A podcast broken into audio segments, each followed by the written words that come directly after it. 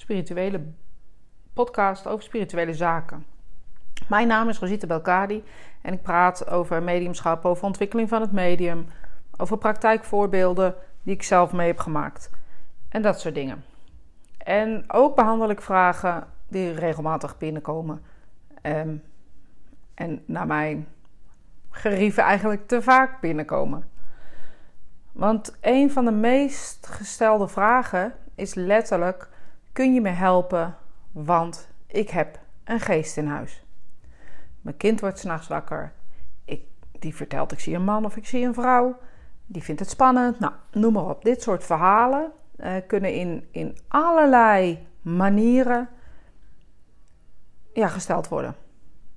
Echt en super divers. Ik bedoel, van, van ik heb zelf last van kloppen op de muren tot aan uh, um, mijn dekens verschuiven s'nachts. En deze vragen worden zo vaak gesteld. En eigenlijk praat ik er zoveel over en moet ik zo vaak mensen overtuigen wat hier aan de hand is. Want eigenlijk gelooft men het liefst: het zijn slechte geesten die mijn huis lastigvallen. En natuurlijk is dat een hele christelijke gedachte, of laat ik zeggen, een gedachte die uit de kerken komt, uit de pastoren, dominees, etc in de tijden dat men um, geesten uitdreef. Ik bedoel, dat, dat werd wijwater gesproeid en uh, ze gingen vreselijk schreeuwen en tekeer. En uiteindelijk deed de pastoor een kruisje en uh, die gooide er een paar uh, ja, gebedden tegenaan. Gebeden tegenaan is het gezien. En alles was goed. En ik zeg niet dat we in die tijd minder wisten, maar we hadden veel meer vertrouwen in de pastoren of dominees en lieten dat aan hun over, zeg maar. En wat nog steeds gebeurt, want deze fenomenen zijn er dus nog steeds. Hè? We gaan minder naar de kerk, we gaan minder naar pastoren, we gaan minder hulp vragen. Um, en omdat we dat doen, maar we nemen, maar, maar we nemen wel de, de, de, de verhalenlijn van toen mee terug. Dus toen was het verhaal dat de spirituele wereld of demonen ons lastig viel. Die nemen we mee. We gaan niet meer naar pastoren en dominees. Want eigenlijk weten we wel, ja, wat, hier, wat die doen, dat, ja, dat gaat eigenlijk ook niet echt ergens over. Maar ja, wat dan wel? Want de fenomenen blijven dus wel verschijnen. De fenomenen zijn er nog steeds. Nou, een van de fenomenen die ik in dit, uh, deze podcast ga behandelen is dus dat kinderen s'nachts overledenen zien of kinderen s'nachts mensen zien. En eigenlijk heb ik al een beetje meegegeven wat kinderen dus zien. Die zien dus overledenen. Vaak zal je merken dat het in situaties um, voorkomt. In bepaalde situaties, in verschillende ook. En uh, dat zijn er eigenlijk uh, ja, een paar die altijd een soort van hetzelfde zijn. Eén daarvan is bijvoorbeeld: je hebt zelf een zware en moeilijke tijd. Uh, en dat kan van alles zijn: scheiding, werk, moeilijk, wat dan ook. Je hebt het moeilijk als mens zijnde. Dat kan gebeuren. Ik bedoel, niet bij iedereen is het 365 dagen pracht en praal. Dus er zijn dagen dat het gewoon niet zo lekker gaat. En op die dagen zal de spirituele wereld heel dichtbij zijn.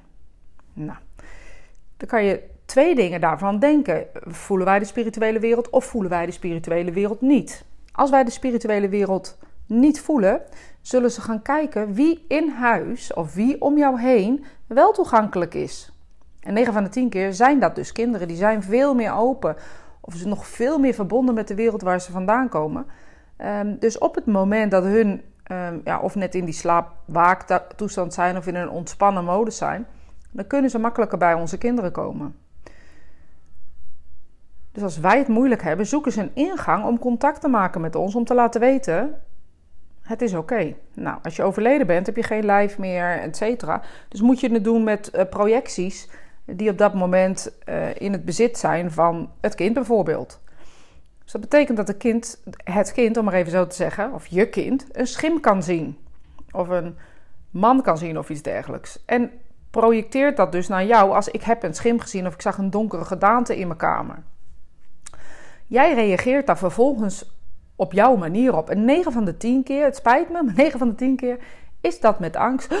Oh jee, wat gebeurt hier? En ook al is dat er maar één split second waarop je dit hebt, waarop je die angst zeg maar hebt, dan is dat direct een um, ja, één op één zeg maar, dat je kind op dat moment ook angst heeft. Dus angst heeft voor dat wat hij gezien heeft. Want jij reageert erop met: Oh god, wat moet ik ermee doen? Of Oh god, hoe moet ik erop reageren? Uh, kind denkt: Oh god, wat daar is gebeurd, begrijpt mijn moeder niet, dus het is niet goed. Of mijn vader. Niet per se mijn moeder, maar ook mijn vader. Maar goed, ik ben zelf moeder. Dus vanuit daar praat ik. Dus op het moment dat, dat het kind, zeg maar, dus schrikt, of jij schrikt, is directe projectie van uh, het kind angst. Even terugdraaien wat hier gebeurt. De spirituele wereld komt dus om te laten weten: we zijn er voor je. Alleen het feit dat we het niet begrijpen of er een spannend iets van maken, maakt dat uh, de kinderen in dit geval dus angstig zijn. En um, ja, daarin kan je zelf ook op bedenken dat dan gelijk een negatief uh, veld gecreëerd wordt. Dus niet spirit, maar wij creëren dan een negatief veld. En elke keer als de spirituele wereld zal verschijnen, zullen wij als het ware op, op datzelfde negatieve veld reageren. En zullen we dus als het ware bijna demonische dingen kunnen ervaren. En dat komt omdat energie nou hartstikke sterk is en vaak blijft hangen op plekken. Dus de spirituele wereld zoekt een ingang op het moment dat je het zwaar hebt. En als die ingang je kinderen zijn, dan doen ze dat. Dus praat daar met je kinderen over. Op het moment dat, dat hun dus um, um, verschijningen op de kamer hebben, dat kan beesten zijn, kunnen, kunnen van alles en nog wat zijn. Weet dan dat dit dus ook aan de gang kan zijn. Nee, sterker nog, weet dan dat dit aan de gang is. Dus dit is één onderwerp. Eén onderwerp waarop de spirituele wereld gezien kan worden in huis. Het volgende is bijvoorbeeld als iemand net overleden is en wil laten weten dat hij er nog is dan zoeken ze ook de makkelijkste ingang. Dus iemand die luistert naar ze. Ze kan zien, ze kan voelen, ze kan ervaren. Ehm, 9 van de 10 keer zit het in voelen en maken wij er een projectie van in ons hoofd. Dus de spirituele wereld zoekt een ingang. Ik ben net overleden, ik wil laten weten, ik ben goed aangekomen, het gaat goed met me of ik ben er nog. Nou, en dat, ja, dat creëren wij bijna als iets uh, negatiefs op dat moment, omdat we het niet begrijpen. Hetzelfde verhaal als net. Dus dit kan. Ze willen je steunen in moeilijke tijden. Ze willen je bezoeken uh, omdat ze net overleden zijn. Maar het kan ook dat ze bijvoorbeeld willen dat je een bepaalde uh, richting opdenkt of voelt. En ik bedoel niet dat ze je sturing geven omdat ze willen dat je dit of dit doet. Het kan best wel zijn dat jij ehm, op een of andere manier ja, een boodschap moet krijgen. En anderen noemen dat gewaarschuwd moet worden. Ik vind het altijd een beetje dramatisch. Um, maar een boodschap moet krijgen ergens voor bijvoorbeeld.